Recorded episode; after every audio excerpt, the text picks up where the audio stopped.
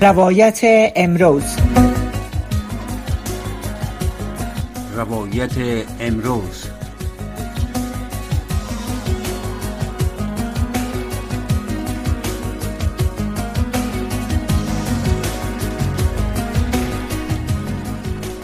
بینندگان و شنوندگان محترم سلام.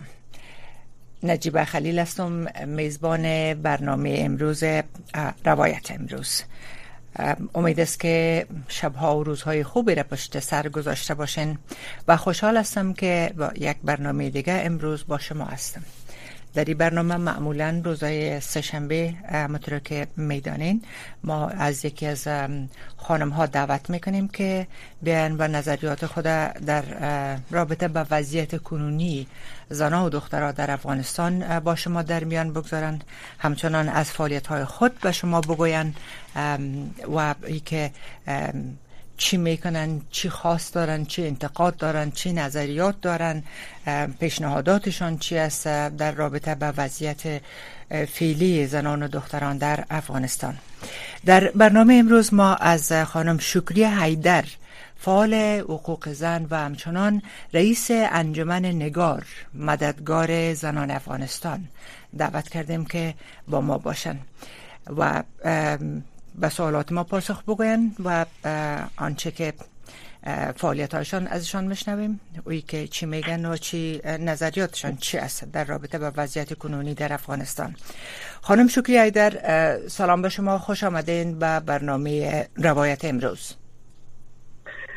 سلام علیکم به شما و از طریق رادیو شما و تمام شنوندهایی که ما شاد تشکر از که مرا دعوت کردین تا در موضوع در مسائل امروز افغانستان و سرنوشت خودم و خودتان و همه ما صحبت بکنیم جان سپاس خانم حیدر البته در ابتدا گفتم شما فعال حقوق زن هستین می‌خوایم اول ایر و در فرانسه شما هستین از چی مدت است که در فرانسه هستین و فعالیت هایتان از چی قرار است با خصوص ای انجمن نگار یک مقدار معلومات بتین در این مورد. برای شنونده و بیننده های ما تا بهتر با شما معرفت پیدا کنن. من اولین باری که من فرانسه رسیدم تقریبا 43 سال پیش آمدم و بعدا ما در اون زمان بود که بابر کرمال درس قدرت آمده بود. و مسائل جوان بودیم. تقریبا 21 سال بود. و یک طرف وضعیت ناراحت بود خب بعد از این من به فرانسه کشم بله. بعدا من رشته ورزش خواندم مسائل خود دارم و دکترا خواهم در بخش جامعه شناسی زبانه افغانستان در مرکز زبانه فرانسه ما آغاز کردیم. بسیار علا و شما زمان بعد ما معلم استاد در بخش ورزش در لیسای ولایت شمال قادر شدم تقریبا حدود 20 سال کار کردیم در بله. بعد در مسابقه بودیم در در بخش مختلف در داخل افغانستان در جای مختلف.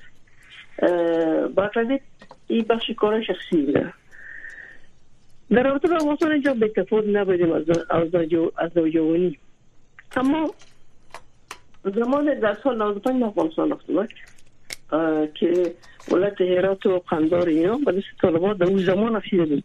برای من سوال بود که طالب کیست چیست چی می‌خوایم؟ سال 95 که کابل تازه که معروف شده بود سینه احمد مسعود و استاد ابانی کنترل کابل و بس مناطق افغانستان تا نصب بدن بگیرن. رفتم کابل. خود در این زمان خدا نفرت و اجازه فوتی بود به خود فوتی و ایدام رفته بدیم اونجا ما هم در پاکستان و هم در افغانستان مطالعه کردم که علی طالبا کی هستن؟ چی هستن و چی می‌خوان؟ خب سعی معلومات وسیع بسازم و در از من مطالعه کامل کردم فکر نکردم که دولت مرکزی در مقابل طالب سقوط بکنم. با خاطر جا آمدم طرف فرانسه گفتم خب آن نوبت ما به یک فرد کوچکی که هستم و چی کاری در بخش مسلکی خود برای افغانستان برای دختره افغانستان کردن می‌کنم. یا وقتی نگذاشته بود که کابل سقوط کرد. شناخته که ما از کابل با دوستایی که قندار رفته بود دوستایی دیگه و که هرات رفته بودن سای و دوستان اما رو کرده بودن من میفهمیدم که طالب چی کار و چی می‌خواه سر افغانستان بیاره. برال اگر کنیم شکر خانم حیدر محترم پرزی که وقت ما کوتاست. از این که بفرمایید در مورد فعالیت های فعلی فقط جناب تاریخ 20 روزی کابل بعد طالب آفید یعنی کاسه شاسته زندگی و چپا شد و ما گفتم اگر دیگران نمی‌فهمند من میفهم فلازا ما باید است اگر خاموش بشیدم با می خاموشی خود ما همراهشان همکار بشم. و خیانت می‌کنم با مردم و ملت و همه ما بود که حرکت کردم با در زمان ما گروه علاقات زنوار نمیشاختم و گروه بینیلی نمیشاختم چیز نمیشاختم اما چند سال با شدت کار کردیم و با سرعت کار کردیم تا حقوق دوباره زنای افغانستان به نوی اعاده بکنیم. اما بود یک کنفرانس چهار دوشنبه گرفتیم برای اعلامیه حقوق اساسی زن افغانستان ساختیم. که دو پنج میلیون نمزا جمع شد دو سه میلیون شده بود. یک میلیون از امریکا بود یک میلیون از اروپا یک میلیون از افغانستان و یک میلیون از ممالک مسلمانی. وی به خاطر بود که ملل متحده و کشورهایی که نمزمان داخل بود وادار رسید که رای حل حتمی و حتمی بر افغانستان پیدا بکنه. این صدای زن افغانستان بود. به ترتیب ما ادامه دادیم. بعد از 11 9 سپتامبر شد شاهزاده احمد جان مسعود قهرمان ملی بود و 11 سپتامبر شد که مسئله تعاونات بعدی که دنبال شد او وقت ما دور کردن سر قانون که این اعلامیه باید شامل قانون اساسی شود و حقوق زن جایگاه زن و مقام زن در سیاست باید تامین شود همون بود که با 25 فیصد مجلس نمایندگان و در مجلس در سنا و مجلس نمایندگان گرفتن تصویب شد. و همچنین کار دیگه. یه ریزی کار زد نسای معرف کردیم نسای ورزش کردیم. نسای انجمن سازی خانم در بخش مختلف کردیم. بعد این کار آیسا در علاقه خب حال جوانا شکر هستن باید کار بکنن. کل هر کس باید سمت اجرا بکنن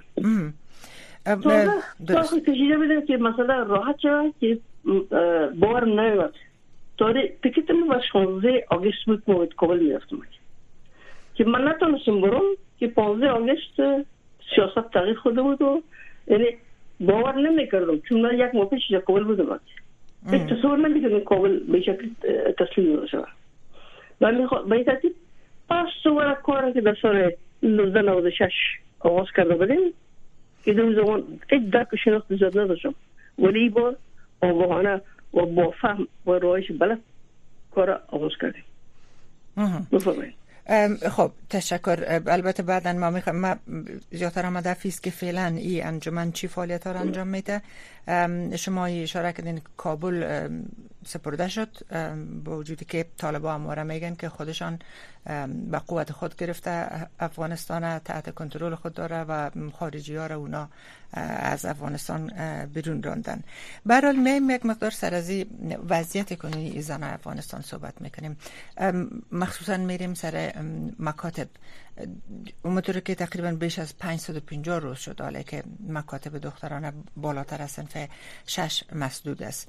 و شما هم شاید ایرش آگاه باشین که طالبا هیچ وقت بله. واضح نمیگن که ما مخالف هیچ وقت نگفتن ما مخالف تحصیل دخترها هستیم و از ما ابتدا سر دلایل مختلف گفتن که به این دلیل فعلا ما سر از کار می‌کنیم سر از این مسئله سر از این فعلا هم سر آخرین باری که من برای سخنگویشان صحبت های داشتم گفتن سر نصاب درسی کار می‌کنن اما منتقدین هست منتقدین ایره میگن که طالبا اصلا طرفدار تحصیل یا تعلیم و تربیه دخترها بالاتر از سنف شش نیست.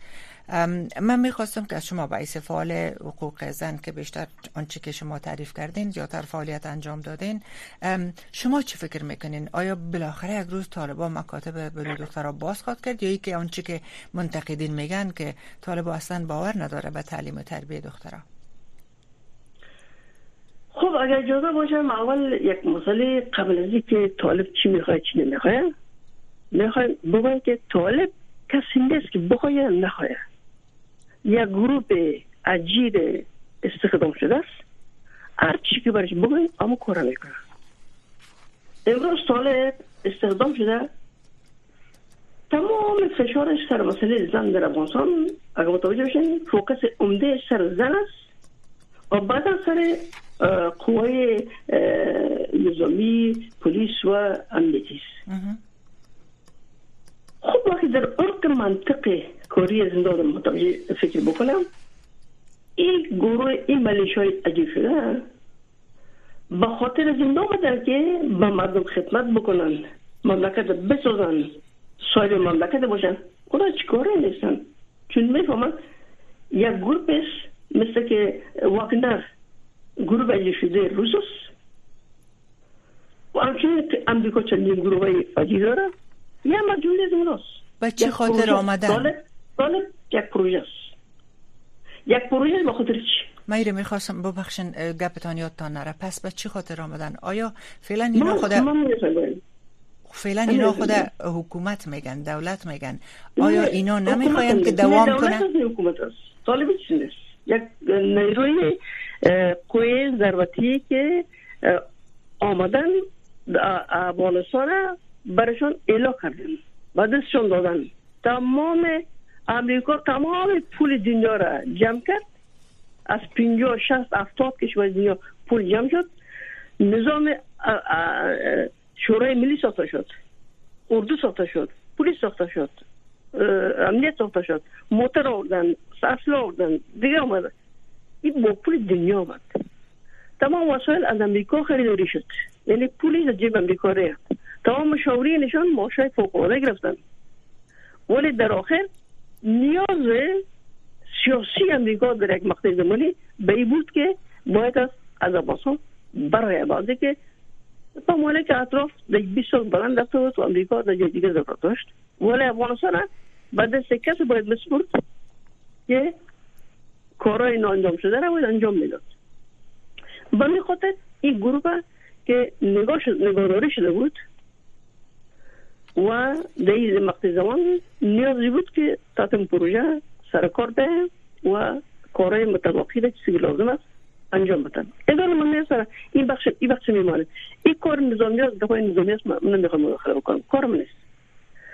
من سر مسئله زنان چرا طالب نه از روی موقت نه از روی فرهنگ نه از روی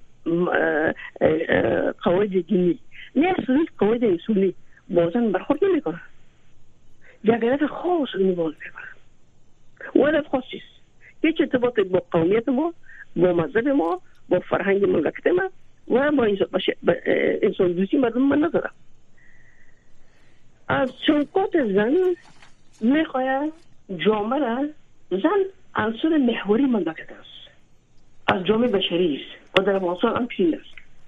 از خلا از مجرای زن یک خانواده را برهم بریزن که ریخته. مرد به غرور به عیشت بسازه که مرد که نمی‌تونه بازارش نام بتن بازار خود نگاه کرده و مرد دیگه سر از حکم روی می‌کنه مکتب برو نرو. خانه بشین نشی. لباس رو باش نباش. و دو از طریق زن تو می‌تونی یعنی می‌تونن این بسیار مقاله روی و جامعه بسیار معمولی است این از طریق زن باید است که جامعه را تحت آنچنان فشار بری که نه مرد غرور داشته باشه نه طفل سربلند کرده و زن خودش باعث انصر محوری سازنده و گرداننده اجتماع در وحشت در حالت بد دونی باشه که جامعه باید است کاملا برم بخوره. ایناله افراد چی کنن؟ چی را دارن؟ یا باید فرار بکنن؟ کم کسای فرار می‌کنن. یا ای که از مریضی و از درد و از دلت و از جگرخونی بمیرن و یکی به برده حقیقی تبدیل شوند اما بسیار این برنامه طالب. خب. این برنامه کسایی که طالب باید پروژه فرستادن و انجام بدن. این دوله شاید امریکا مستقیما این برنامه خودش نداره. اما مشترک گروه هایی که با گروه هایی که با امریکا دست به دست هم دادن و این پروژه را ران دادن اینمی هدف است. امریکا خانم مایدر فامیده شد. اجازه بتین من یک صحبت های خب چیزهای زیادی رو شما اشاره کردین که من می‌خوام سوال البته برانگیز شده بر من. طالبان در هر حال طالبان پیش خودشان یک قدرت هستند درست است؟ میگن که ما حتی امیال تلاشان نیست که جامعه جهانی رو میگه ما, ما را به رسمیت بشناسین بر که ما تمام جغرافی افغانستان رو تحت کنترل خود داریم امنیت برقرار کردیم. مردم خوش است. میگن مردم از پیش ما خوش است. به اینا خو شما میگین که یک پروژه است ولی خود از اینا اینکه تا کدام سطحش کسی می‌فهمه اینا به باور هستن که یا پروژه هستن یا نیستن اما در اکثریتشان فکر می‌کنم به این عقیده هستن که ما آمدیم خارجی ها رو شکست دادیم خود ما کشور خود گرفتیم اینا تحت کنترل ماست ما را به رسمیت بشناسیم. و مطمئنا ایره امی قدر ایش اور معلوم دار ای گپم می‌فهمن که تداوم یا مستحکم بودن از اینا یا دوام حکومت از اینا مرتبط میشه ارتباط می‌گیره به طرف حمایت مردم یعنی اینا باید از حمایت مردمی هیچ هیچ رژیمی که از حمایت مردمی خود برخوردار نبوده او بسیار زیاد دوام نکده. این مسئله را کل می‌فهمه واضح است. آیا فکر نمی‌کنین که طالبا امی مسئله را می‌فهمه درک می‌کنه نصف قشر جامعه؟ فعلا همونطور که شما گفتین یا منتقدین میگن که کنار زده شده. تنها مرداست و مردا هم همونطوری که ما یکی یک چیز براتون میگم. یکی از وکلای پارلمانی خانم که کتش صحبت کردم که یعنی کسی بود که گفت ما طالبا اول که آمدن ما استقبال کردیم. ما خوش شدیم که خب آمدن امنیت بیارن اینو وضعیت تغییر کرده تا حد امنیت آمده اینا. اما گفت حال به سر حد رسیده که ما مرگ تنفس می‌کنیم. بوی مرگ به مشام ما می‌رسه هر روز. زنا مخصوصا رو میگم سوال ما ایسته که شما میگین که خب یک پرو اما خود از اینا آیا فکر نمی‌کنند که ما تا چه زمان می‌تونیم که در این قرن 21 نصف قشر جامعه مکات دخترها مکاتب برای دخترها بسته کنیم. آیا ای به این فکر هستن اینا فکر می‌کنین که به این شکل ما دوام می‌کنیم؟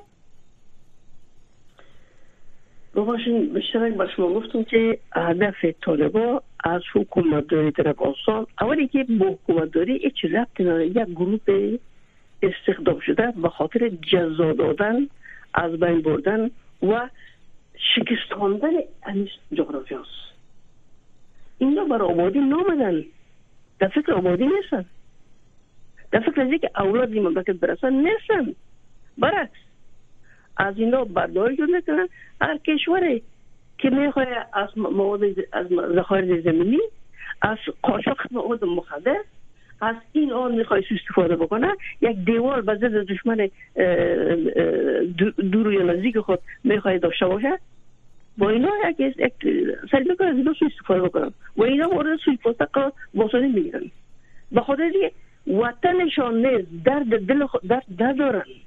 اگر کسی اگر ببینیم شما در تاریخ گذشته خود افراد داریم چون دولت ها زیاد بوده. اگر ملا خان بوده حتی نادر خان بوده. اگر زایر خان بوده. از گذشته از تیموری مثلا کشوری که یا زمانداری که یا یک گروهی که یک نظام می‌خواد جور بکنه تشویش اولش مردمش است. جوانش است. بله. اینا نیست. تشویششان نیست. به خاطر یک پروژه است. یک پروژه که یک تولد لونگیسیا رو داخل می می‌زنه می‌کشه صحرایی قضاوت می‌کنه می‌بره گردون شن می‌کنه مردم آنچنان وحشت زده بسازن و با زور نی وحشت سن می‌کنه بطور بسن دیروز خانمان در کابل مظاهره کردن. جمعشان بردن از خانوادهشان خط گرفتن که اگر برامدن کتام می‌کشن و سه تاش تو این به شکل وحشت است که مردم کلش اینه. ببینید ما امنیت آدیم امنیت در کجا؟ در گورستان بسیار امنیت است. هیچ کس سور نمی‌خواه برال شما گفتین که شما گفتین وطنشان نیست. منظورتون نه یک قسمت زیاد از اینا. افراد در مفاصل نگردن کل طاقت بیگانه با کشورهای دیگه به مراتب رابطه عاطفی به مراتب بالاتر. این با افغانستان یک ایده به فهم و نافهمش یا ترسویش که از ترس آمده در پولی جر ساتده بله بله میگه و سر می جنبانه اوش موضوعش علایده ولی او خواهینانه کار می‌کنه ولی مدواقعش اون مدواقعش در رأسش افراد هستن که با افغانستان هیچ ارتباط ندارن یک گروه یک ملیشه است یک گروه عجیب است برحال خب همونطور که گفتیم اینا اما طالبا همیشه ادعایشان نیست که فعلا امنیت در افغانستان آوردن تامین کردن.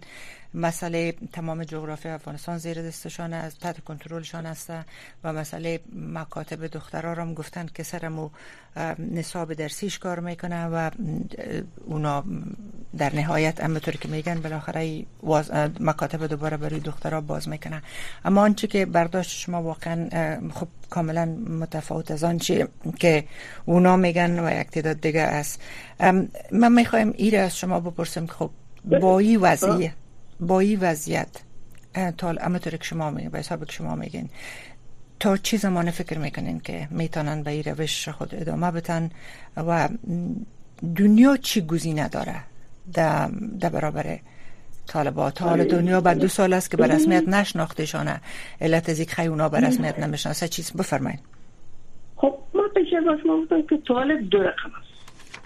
ما دو رقم طالب داره یکی طالب لونگیسیا که داخل افغانستان اونم کارای خشن خونبار جبر و ترس و وحشت پیاده می‌کنن و در هر طرف کسی گیرامت بدون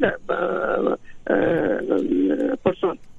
تو نظامی سابق هستی تو پنشیر هستی تو هستی تو اندرابی هستی تو فلانی هستی تو اچگزای هستی تو یعنی اتونه کسر یعنی هر کسی که باید نیروی ملی باشه دگیری بری زده میره.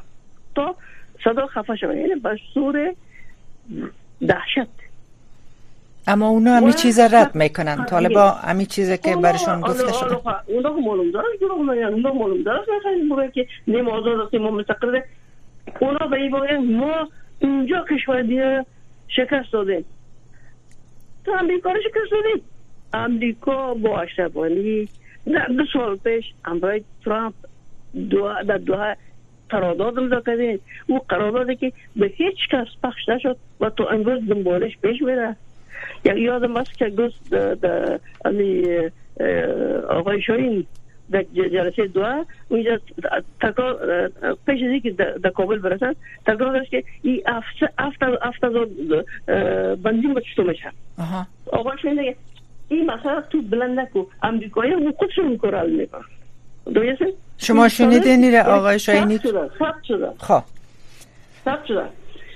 ببینید امریکا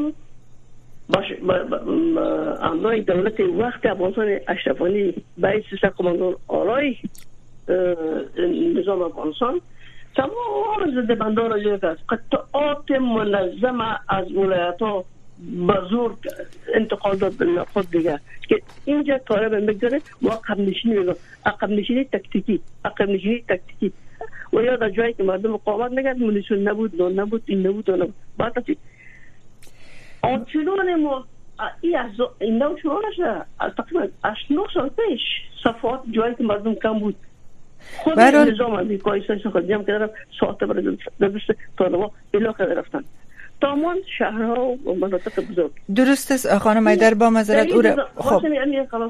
اینجا افغانستان امریکا ما فکر می‌کردیم که ترامپ یک اشتباه یک قرارداد امضا کرد. ولی بایدن اما تو به اصطلاح اسب قمچین کرده افغانستان سر امی اصطلاح پتنوس توی دو سبر اول تمام از سلایی که از پول مردم دنیا خریداری شده بود او تقدیم کرد و خودش اپری رفت. حال مثلا من سوال شما. امریکای بدبختی را برای مردم افغانستان آورده. درست؟ این بدبختی امروز که مردم می‌کشه زن مرد افغانستان می‌کشه. اگر افغان اگر پشتون است اگر تاجیک است اگر زوره است اگر زن است اگر مرد است این بدبختی رو می‌کشه. مسئولش در قدم اول بایدن و امریکاست امروز با رو جمع کنه. نه تنها که خود بدنام ساخت. خب مخوا... با آمدن افغان بنفشه بود. با ضررش هست امروز متوجه شد با ضررشون بود. و که حال طالبان میگه که ما برده خود حال تمام چل میلیون دلار نباشه.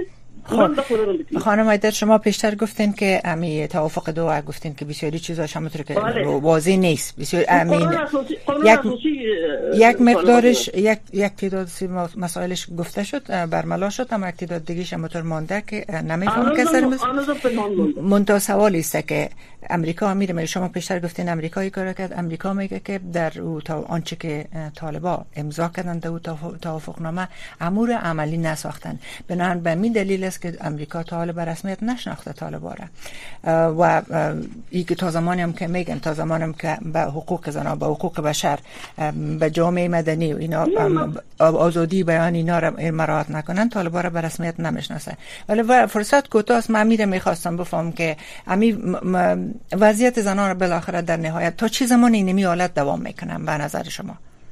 تا زمانی که ابی وضعیت خود تا زمان که خود امریکا نیاز به این نبینه که پس به داخل افغانستان و با طالبا بگه بس دورش ما خلاف بریم بخیر